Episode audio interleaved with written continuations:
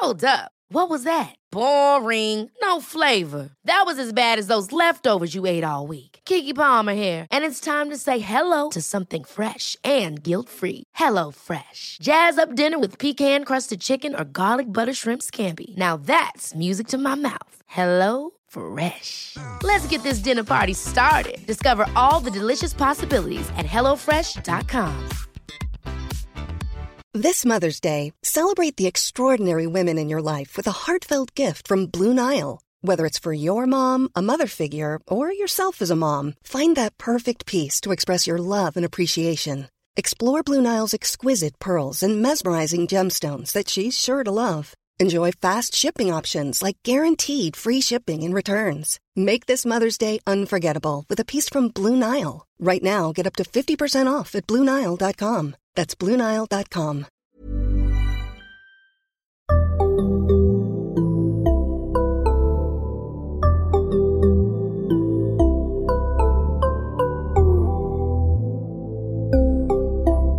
Barnpsykologerna.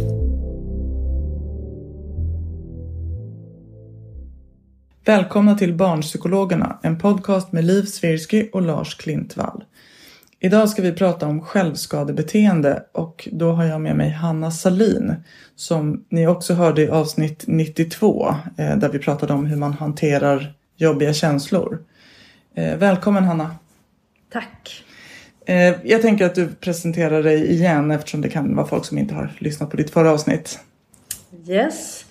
Ja, Hanna Salin heter jag, är psykolog och har arbetat många år eh, som eh, psykolog och enhetschef på en enhet som heter Borderline-enheten där jag har arbetat med dialektisk beteendeterapi för kvinnor framförallt då som har problem med självskadebeteende och emotionell instabilitet.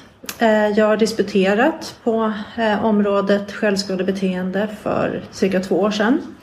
Så jag har forskat en del på att ta fram nya behandlingar för självskadebeteende men också titta på självskadebeteende och hur det eh, hör ihop med andra riskfaktorer och problematiska beteenden. Och sen har jag då, så känslor och, och självskadebeteende är ett stort intresse för mig så då har jag släppt en populärvetenskaplig bok för cirka två år sedan också som heter Känslor som kraft eller hinder. En handbok i känsloreglering på natur och kultur. Och den var ju mycket utifrån den som vi pratade i det förra avsnittet. Exakt. Mm. Så, och det tycker jag verkligen, ni som inte har hört det, lyssna på det. Det var ett matnyttigt avsnitt. Mm. Men om vi då börjar med självskadebeteende. Vad är egentligen definitionen på självskadebeteende? Eller vad, vad är det för Ja, något? alltså självskadebeteende det kanske låter som en enkel fråga, vad är definitionen? Men eh, det är faktiskt ett ganska stort bekymmer att det finns flera olika definitioner utav självskadebeteende som Eh, har gjort det lite svårt att få en enhetlig bild utav forskningsläget och självskadebeteende. Men det, så det man kan säga är att det finns två förhärskande definitioner och en är vad man då kallar för avsiktligt självskadebeteende eller deliberate self-harm och det är en definition som handlar om eh, icke-dödliga beteenden eh, som syftar till att skada sig själv genom antingen då att ja, självskada eller förgifta sig själv. Och det är en handling som görs med eller utan suicidavsikt om man så säger. Så det, det handlar helt enkelt om allt man gör som syftar till att skada sig själv oavsett avsikt att dö eller inte. Och den här definitionen har det forskats mycket på i, i England och i Australien. Medans från nordamerikanskt och Eh, ja det forskas mycket i Europa också men från nordamerikanskt håll har det kommit en önskan om att differentiera självskada med och utan suicidavsikt. Så då har man eh, föreslagit en definition som mer handlar om de tillfällen som man självskadar utan någon som helst avsikt att dö. Och där då kommit fram ett diagnosförslag i den Eh, manual som kliniker använder världen över för att diagnostisera psykiska sjukdomar och heter DSM-5. Eh, där föreslog man en diagnos eh, utifrån den här non-suicidal self-injury eller icke-suicidalt självskadebeteende. Och då pratar man om att självskadebeteende är Eh, direkt och avsiktlig skada på ens egen hudvävnad. Alltså att man, det måste vara en skada som går emot huden. Med andra ord så inkluderas i det icke eh, förgiftningar och, och överdoser. Och att den här skadan behöver vara gjord eh, utan suicidal avsikt. Då i syfte kanske att slippa ifrån en obehaglig känsla eller en svår interpersonell situation.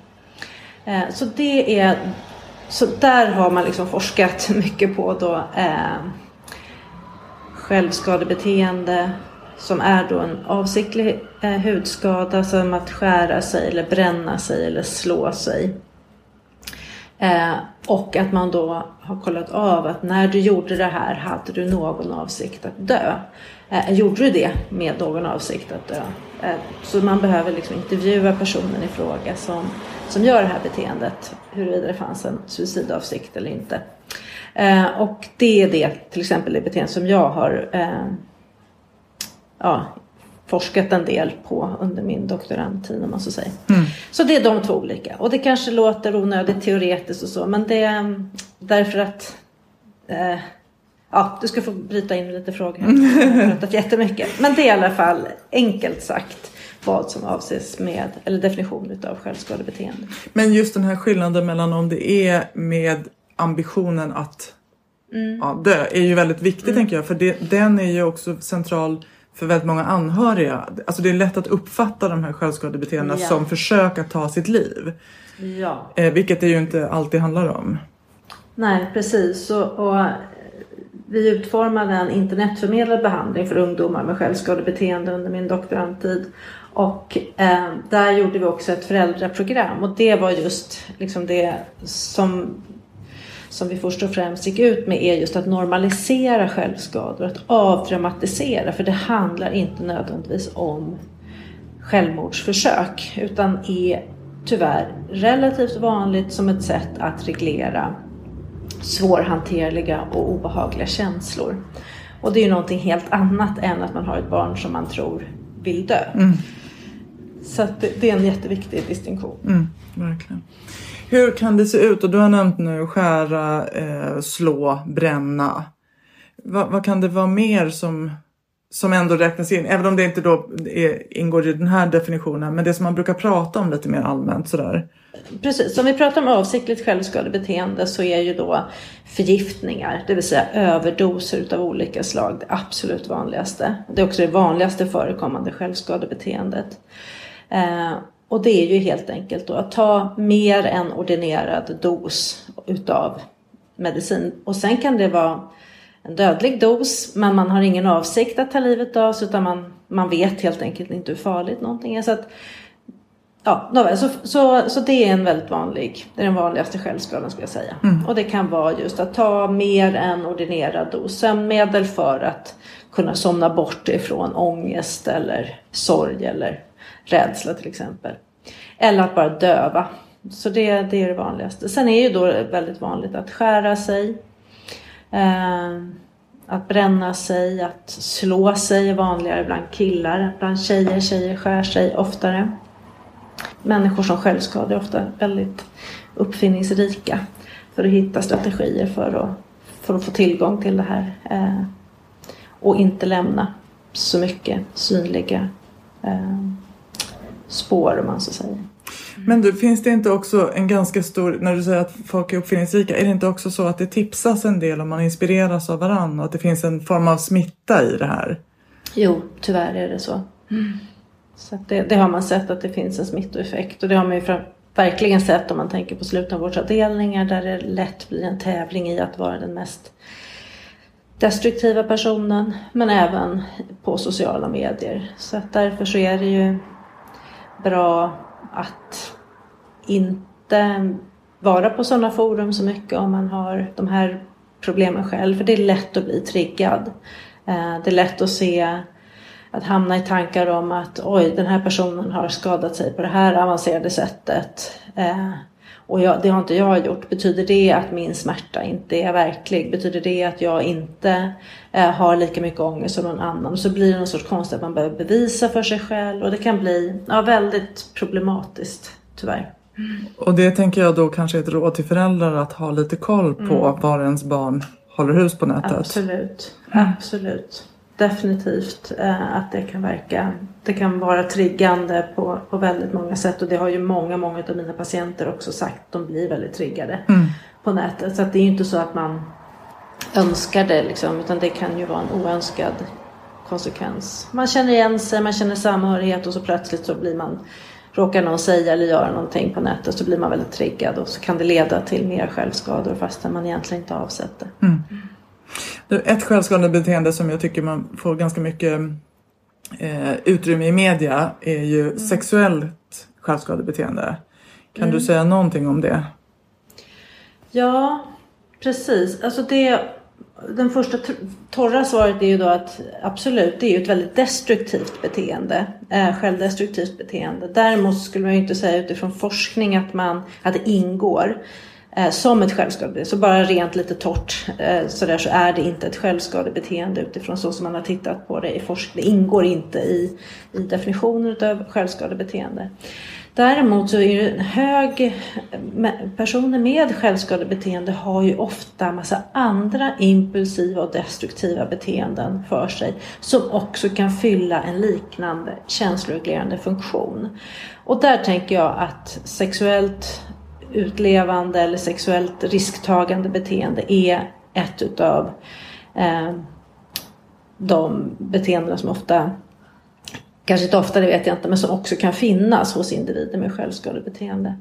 Och det tycks ju fylla på många sätt en, en funktion, men, men, eller liknande funktion som självskadebeteende. Samtidigt så finns det en massa andra variabler i det där, där du har män som hotar eller skrämmer. Det finns också en känsla av att straffa sig själv, så vad jag har förstått kring sexuellt eh, självskadande eller sexuellt destruktiva beteenden. Och den känslan är inte ovanlig hos individer med självskadebeteende. Det här starka självföraktet eller självhatet där man känner att jag förtjänar inte bättre. Men det är inte, det är en mindre grupp av personer med självskadebeteende som bejakar just den aspekten utav självskada som att straffa sig själv. Självskada tror jag oftare handlar om att bli av med negativa känslor. Eh, det vill säga bli av med en spänning eller oro eller rädsla eller sorg till exempel. Så att jag, jag tänker att det finns vissa likheter och vissa olikheter. Eh, det är också så att de flesta som självskadar går till yttersta längder för att dölja detta. Medan det sexuellt eh, destruktiva beteende är ju någonting som ändå man, man gör tillsammans med andra. Men som sagt, jag, jag, jag kan inte tillräckligt om det och jag förstår att det är vanligt förekommande hos individer med självskadebeteende. Men att det också, och förstås jätteallvarligt, även om det inte klassificeras som ett självskadebeteende så är det precis lika allvarligt. Mm. Det inte är det men, men, men Ja, jag tänker också att det har vissa andra karaktärsdrag som inte stämmer in på självskadebeteende just. Men när du då pratar om att det finns eh, alltså personer som har självskadebeteende har också vissa andra problem. Vad kan man se om gruppen just med självskadebeteende? Hur ser den ut? Vad är det för kön, ålder, diagnoser eller så? Precis. Självskadebeteende är ju som många andra eh, beteendeproblem som vanligast bland eh, i tonåren under adolescensen. Självskadebeteende debuterar ofta mellan 12 och 14 års ålder. Eh, och det finns en långtidsstudie som har följt en grupp eh, ungdomar på Nya Zeeland tror jag.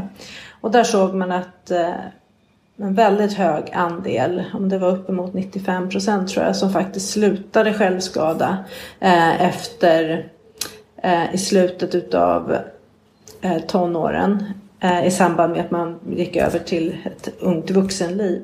Medan den lilla grupp som fortsatte eh, som fortsatte självskada hade också större då psykiatriska problem. Och det man kunde se i den här liksom, gruppen som ändå var eh, som sagt vanliga skolungdomar som man följde, eh, en, en så kallad eh, födelsekohort som man hade följt från från eh, födseln till och fortfarande följer så kunde man se att de som hade självskadebeteende hade också mer ångest, hade mer depression, eh, eh, rökte i högre grad än andra ungdomar och, och liksom var, mer, var mer aggressiva än andra ungdomar, som, eh, än, än de ungdomar som inte är självskadade. Så att, och det är där jag kommer in då på att det finns andra impulsiva destruktiva beteenden som också förekommer hos individer med självskadebeteende. Mm. Mycket risktagande, impulsivitet, eh, också sådana då internaliserande, alltså ångest, depression, eh, posttraumatisk stress, eh, alkoholbruk, nikotinbruk. Ja, det, så det är ändå en grupp som på vissa sätt, om man tittar på gruppen då, då som utmärker sig även på andra, eh, andra sätt mm. än än ungdomar utan självskadebeteende. Och vilka psykiatriska diagnoser är de typiska? Ja, det här har också varit intressant i och med framtagandet av den här nya diagnosen då för DSM-5, det förberedelsearbetet, för det här gäller ju även för vuxna då. Så när jag började arbeta med självskadebeteende 2000, 2002 så var ju så tänkte man ju att alla som självskadade hade borderline mm. eller emotionell instabil personlighetssyndrom som det heter nu. Eh, därför att det är den enda psykiatriska diagnosen där självskada finns som ett kriterium. Men i och med att man började forska mer på icke-suicidal självskada och titta mer på de grupperna och i förarbetet till den här eh, föreslagna diagnosen som inte blev en diagnos i DSM-5 men som ligger som ett förslag där. Så började man titta på hur, vilka är det som självskadar Eh, och där såg man ju att det är verkligen inte bara personer med emotionell instabilitet utan du har personer med det vanligaste är att du har något ångestsyndrom, något förstämningssyndrom, alltså någon typ av depression. Eh, ADHD, eh, förstås emotionell instabilitet också. Sen har du en annan typ av självskada som är vanligt hos barn och unga och vuxna med autism och andra neuropsykiatriska funktionshinder. Men den, det självskadebeteendet är sällan på samma sätt eh, fyller en känsloreglerande funktion utan kan ju vara mer utav stereotypier eller eh, sensorisk stimulans eller sätt att avbry- signalera till omgivningen att en förändring sker som man inte kan uttrycka på ett annat sätt eller som man inte tycker om och som man eh, ja, vill signalera en stress, ett stresspåslag och så vidare.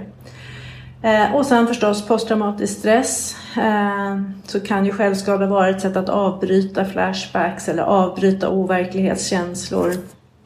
Eller sådana saker. Så det här har varit en väldigt intressant process att följa och det var ju det lite jag gjorde i mitt avhandlingsarbete var ju också att titta på självskada bortanför diagnosen emotionell instabilitet. Vad ser vi liksom om vi tittar på den gruppen? Eh, och inte tänka att alla har emotionell instabilitet. Så det här har ju varit en, en, en pågått ett fantastiskt arbete i Sverige sedan 2011 också med nationella självskadeprojektet som var en, en statligt finansierad insats som handlade om att öka kunskapen om självskadebeteende och ta fram nya behandlingar. Och där var ju just mycket fokus på det här att många som vårdades för självskadebeteende, framförallt i slutenvården, fick diagnosen emotionell instabilitet fastän de egentligen inte uppfyllde något annat kriterium än självskada. Mm. Eh, så det här är ju, och det här är en diagnos som har en ganska stigmatiserande effekt så att det här är ju någonting som många har, har vänt sig mot. Mm. Mm. Just det. Du, eh, du pratade om åldern. Är det könsskillnader också? Ja, det är också ganska intressant. Man har ju tänkt då att det bara är kvinnor med borderline som, som självskadar. Men det man framförallt vet är att det är kvinnor framförallt söker vård för självskadebeteende medan män inte gör det. A lot can happen in the next three years. Like a chatbot may be your new best friend. But what won't change? Needing health insurance. United Healthcare tri-term medical plans are available for these changing times Underwritten by Golden Rule Insurance Company, they offer budget-friendly, flexible coverage for people who are in between jobs or missed open enrollment. The plans last nearly three years in some states, with access to a nationwide network of doctors and hospitals. So for whatever tomorrow brings, United Healthcare Tri-Term Medical Plans may be for you. Learn more at uh1.com. Hold up. What was that? Boring. No flavor. That was as bad as those leftovers you ate all week. Kiki Palmer here, and it's time to say hello to something fresh and guilt-free. Hello Fresh. Jazz up dinner with pecan-crusted chicken or garlic butter shrimp scampi. Now that's music to my mouth. Hello Fresh. Let's get this dinner party started. Discover all the delicious possibilities at hellofresh.com. Ready to pop the question? The jewelers at BlueNile.com have got sparkle down to a science with beautiful lab grown diamonds worthy of your most brilliant moments. Their lab grown diamonds are independently graded and guaranteed identical to natural diamonds, and they're ready to ship to your door. Go to BlueNile.com and use promo code LISTEN to get $50 off your purchase of $500 or more. That's code LISTEN at BlueNile.com for $50 off. BlueNile.com code LISTEN. Så det man har sett nu skulle jag säga ändå att det tycks, om man, om man, gör, om man frågar till exempel skolungdomar, det vill säga inte vårdsökande ungdomar utan skolungdomar. Det finns en jättefin studie från Linköping som publicerades 2013 från Maria Zetterqvist. Där de, där de då gav ut enkäter till cirka 3000 skolungdomar och då fann man att eh, att det var i princip, alltså om, om, om, frågan är har du någonsin självskadat så får du ju förstås ett, ehm, eh, en viss typ av svar. Och där kunde man se att det var ungefär lika vanligt bland killar som bland tjejer. Medan om man då däremot går in och tittar på eh, hur många gånger man har självskadat och det hon gjorde i, här, i, sin studie också att hon tittade hur många skulle ha uppfyllt den här föreslagna diagnosen. Det vill säga att du har en funktionsnedsättning på grund utav ditt självskadebeteende du eh, självskadar eh, ett visst antal gånger per år och så vidare. Och så vidare. Det som ingår då i det här diagnoskriteriet. Då såg man att det var fler tjejer än killar som uppfyllde den eh, icke-suicidal självskadediagnosen så att säga.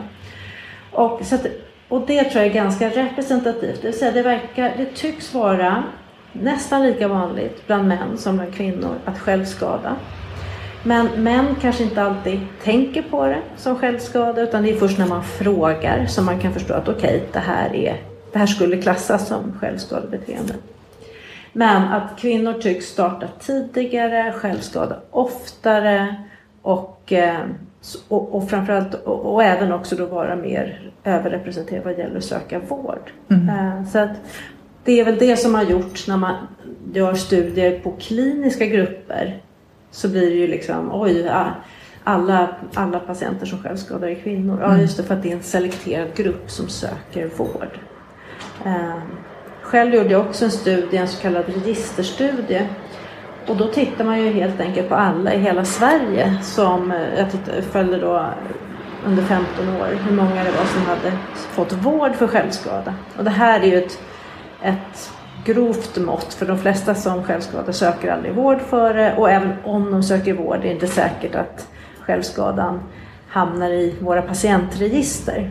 Men det var ändå rätt intressant för under 15 års tid så såg vi att det var ungefär 3 procent utav alla svenskar mellan, eh, som var mellan 15 och, och 30 under eh, uppföljningstiden självskador och att det var, eller hade fått vård en, åtminstone en gång för självskada och att då var det nästan, jag tror att det var 46 procent män och, och 54 procent kvinnor men det var väldigt likartat ändå.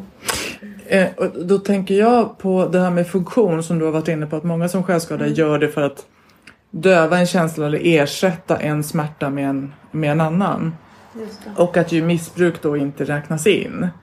Nej, eh, missbruk är ju också ett sånt impulsivt destruktivt beteende som, som är problematiskt och som ofta finns med självskada. Och som kanske då är vanligare hos män. Alltså ja. man kanske kan tänka att män i samma syfte tar till det där kvinnor då mm. kanske skadar sig. Mm. Eller både och då. Mm. Kan man också tänka sig då det här med att kvinnor syns mer att, och att det har det har pratats så mycket att det har blivit lite av en identitetsgrej där. Liksom att kvinnor tänker att det här är någonting som tjejer gör och därför söker man hjälp. Alltså att det, att det finns i, det, i den här smittoeffekten också någon könsskillnad. Mm. Det är mycket möjligt. Det, det kan jag tyvärr inte uttala mig om. Men det jag, det jag vet ifrån alla år som jag har träffat både självskadande vuxna och ungdomar är ju för det glömde jag säga, för det är också viktigt att det finns ju också de som har ingen psykiatrisk samsjuklighet mm. men som självskadar. Och jag tänker att självskada är ett väldigt effektivt sätt att inte besvära någon annan med sina känslor. Så jag skulle också säga att det finns många duktiga flickor som istället för att gå till någon vuxen och få stöd och hjälp istället kanske börja med att trycka en blyertspenna hårt i handen som tioåring och märker oj nu fick jag lite lättnad här. Mm.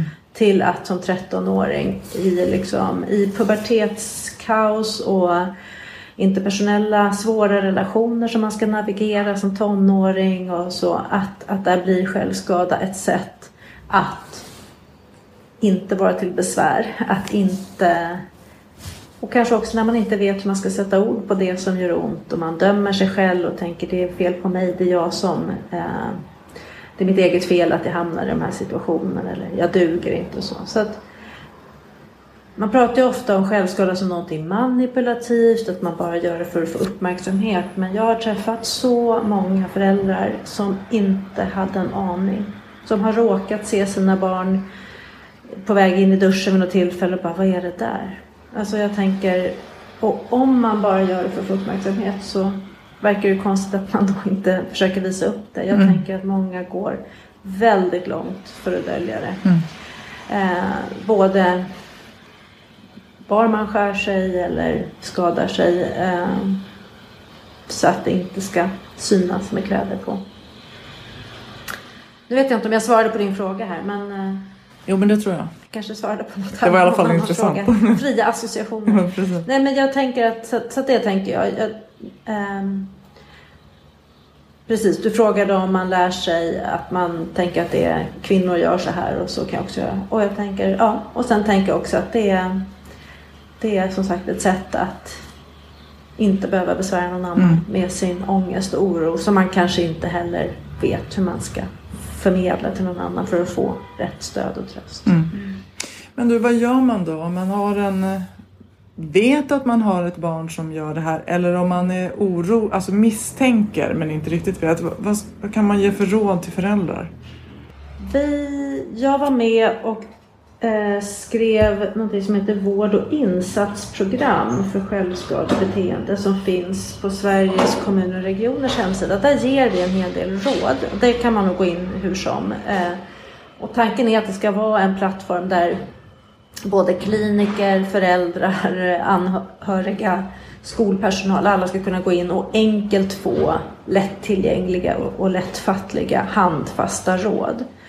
Eh, där skriver vi en del om det. Och jag tänker, ja, vad behöver man göra? Jo, man behöver ju fråga. Man behöver fråga så nyfiket och ömsint som man kan. Förmedla att jag vill höra eh, vad du säger. Jag, jag oroar mig för dig. Jag har sett det här. Jag undrar, kan det vara så att du skadar dig? Eh, försöka få un ungdomen att att våga berätta. Men om du som förälder känner dig så uppstressad, kanske rasande kan man känna sig när man upptäcker att ens barn självskadar. Eh, rädd, eh, misslyckad, alltså man kan väl tänka och känna alla möjliga olika saker. Så att man känner, jag kommer inte kunna ta det här samtalet med mitt barn. Då tycker jag att man först ska gå och prata med någon eh, och få lite hjälp så att man kan landa lite i sin egen reaktion. Därför att om du har ett barn som självskadar har barnet antagligen gått långt för att dölja det för dig. Och det behöver ha en icke-dömande och nyfiken lyssnare. Du behöver liksom vara lite i rätt läge för att, för att kunna ställa frågor kanske på rätt sätt och få ditt barn att våga erkänna. Mm. Eh, för annars är risken bara att de döljer det ännu mer. Um, och några hjälpsamma tips på vägen är, tycker jag, ändå är att tänka att ditt barn gör antagligen det här för att hantera svåra känslor. Han eller hon vet inte vad de ska göra utav oron och ångesten. Hade de vetat något bättre sätt, hade de använt det.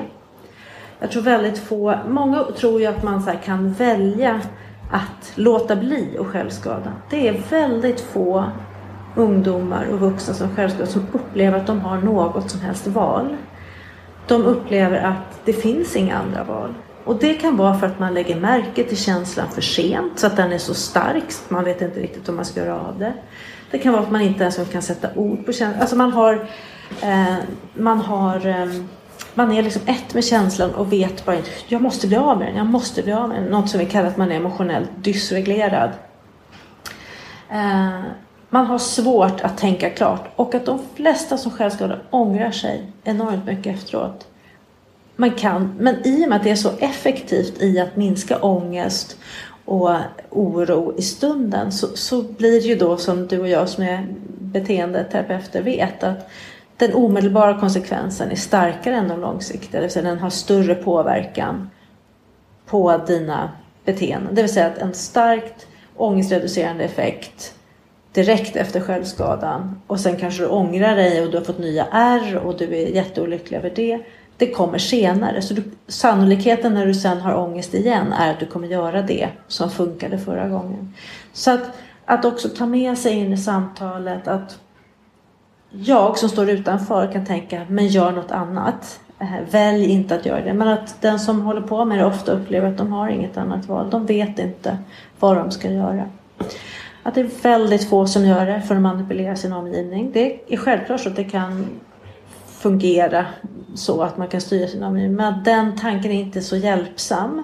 Och att de flesta som mår bra och har strategier skulle hantera sig själva på ett annat sätt än självskada. Så försöka liksom vara nyfiken. Och sen också att det betyder inte att ditt barn vill dö. Det kan också vara så att ditt, ditt barn håller på att kämpa för att överleva. Ibland kan ju självskadan vara hade jag inte brutit den här ångesten med hjälp av självskada så hade jag tagit livet av mm, mig. Mm, så det kan också vara, för många upplever de ett suicidpreventivt syfte med självskadan ibland. Men också att det är supertufft och förstås jättesmärtsamt. Men att försöka att, att se det hos sitt barn. Men bra att du har fått syn på det. Försök våga fråga. Du behöver inte ha några svar. Det är inte, ungdomen behöver inte massa råd utan ungdomen behöver till en början bara kanske se att jag är inte ensam i det här. Och om du är en förälder som lyssnar som har blivit väldigt arg och kontrollerar ditt barn eller sagt åt ditt barn att du slutar med det här, så svårt kan det inte vara. Så är det också okej. Okay. Du är inte ensam. Det är många föräldrar som har reagerat på det sättet. Och du kan försöka göra ett omtag. Eh, och för jag tror ändå att det är oerhört avgörande. Och det har man ju sett också att, att föräldrar är viktiga mm. för våra barns eh, välbefinnande. Mm och särskilt vad gäller självskada, att, att, ha ett stöttande nätverk. Att det betyder mycket eh, för, eh, för att bli frisk från det. Och det kan ta tid. Det kan ta jättelång tid tyvärr. Men eh, ja, det, sök hjälp. Mm. Sök hjälp för dig själv och sök hjälp för ditt barn. I, I det förra avsnittet så pratade vi lite om olika behandlingar. Eh, mm. du, men du kan väl nämna det igen, vilka behandlingsmetoder som som brukar vara aktuella och vad de, hur de fungerar. Mm. Så eh, för, för, barn och ungdomar så finns det, eh, finns det fors, visst forskningsstöd för dialektisk beteendeterapi för ungdomar. Det kom ut en norsk stor studie för några år sedan. Eh, och då är det ju ungdomar både med suicidalt och icke-suicidalt självskadebeteende. Eh, dialektisk beteendeterapi är en omfattande behandling som innefattar både individualterapi för barnet, gruppterapi för barnet men också föräldrastöd. Eh, I Stockholm finns en jättefin stor eh, DBT-mottagning som är länsövergripande. Ute i landet tror jag att det finns varierad tillgång till DBT för ungdomar. Det är också problemet att det är ganska långa behandlingar så att det är svårt att få tillgång till det. Det finns en, och, och DBT är ju främst då för ungdomar med emotionell instabilitet och självskadebeteende eller åtminstone drag av emotionell instabilitet. Eh, sen finns en annan sån terapiform som heter mentaliseringsbaserad terapi som också är utformad för vuxna med emotionell instabilitet. Den har också visat på goda effekter för ungdomar med självskada eh, Eh, och emotionell instabilitet. Eh, sen finns det i Sverige, det vi beskriver också i vårt vård och insatsprogram är också en mer generisk modell som man skulle kunna applicera på oavsett eh, psykoterapeutisk inriktning som handlar om ändå att just kartlägga tillfällen av självskadebeteendet, se vad det fanns för saker som ledde fram till tillfället med självskada och vilka konsekvenser självskadan hade på kort sikt och lång sikt. Så att öka psykoedukationen eller förstå vad självskadan fyller för funktion i, i, i ungdomens liv. Men också då att fokusera på känsloreglering och att hitta andra sätt att hantera de här känslorna, förstå och bemöta dem så att man inte behöver självskada för att stå ut. Och sen har ju vi då utvecklat en, eh, en behandling som heter Erita som just nu prövas på internet. Det är en internetförmedlad behandling eh, och den hoppas vi ju när den studien är klar att vi kommer kunna veta mer om. Men den har visat ha, ha god effekt i både en liten pilotstudie där vi provade behandlingen ansikte mot ansikte och även i en pilotstudie där vi provat den på internet så visar den väldigt lovande resultat med minskning av självskadebeteende och förbättrade känsloregleringsfärdigheter och så vidare. Men den finns tyvärr inte ute ännu men målet är att den ska finnas som en internetbaserad eh, behandling som ska vara tillgänglig över hela, över hela Sverige. Mm. Mm. Och jag tänker när jag hörde Anna att er bok är ett väldigt bra, en väldigt bra början om man är förälder och har ett det tror jag oro kring det här. Ja. ja. Därför att jag tror att man, man behöver bli bättre på att förstå eh, de känslor som, som drabbar ens barn.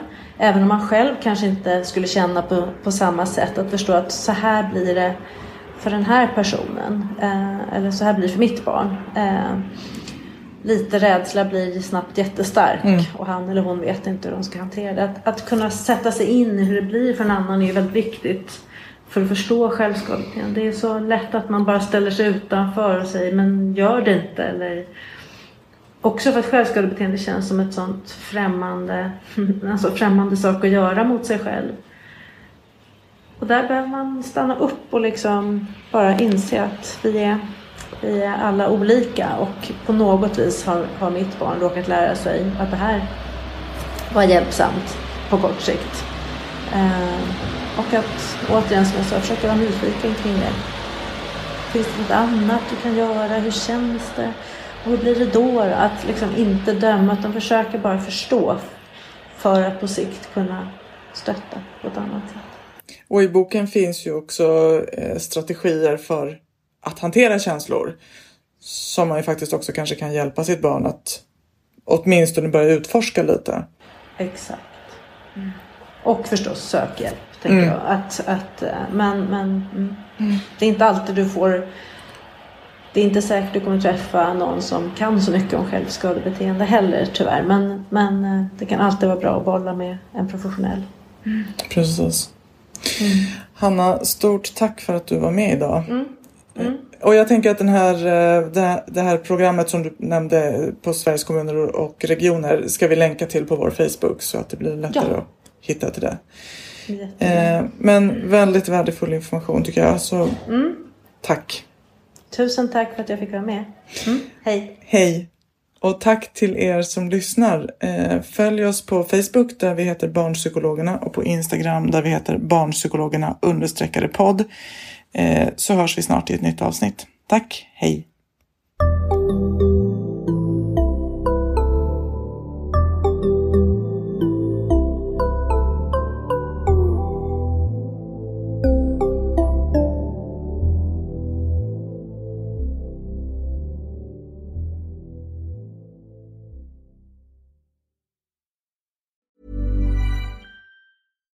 Deserves the best, and there's no better place to shop for Mother's Day than Whole Foods Market. They're your destination for unbeatable savings, from premium gifts to show-stopping flowers and irresistible desserts. Start by saving 33% with Prime on all body care and candles. Then get a 15-stem bunch of tulips for just $9.99 each with Prime. Round out Mom's menu with festive rosé, irresistible berry chantilly cake, and more special treats. Come celebrate Mother's Day at Whole Foods Market.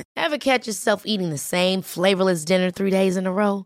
Dreaming of something better? Well, HelloFresh is your guilt-free dream come true, baby. It's me, Kiki Palmer. Let's wake up those taste buds with hot, juicy pecan-crusted chicken or garlic butter shrimp scampi. Mm. Hello Fresh. Stop dreaming of all the delicious possibilities and dig in at HelloFresh.com. Let's get this dinner party started.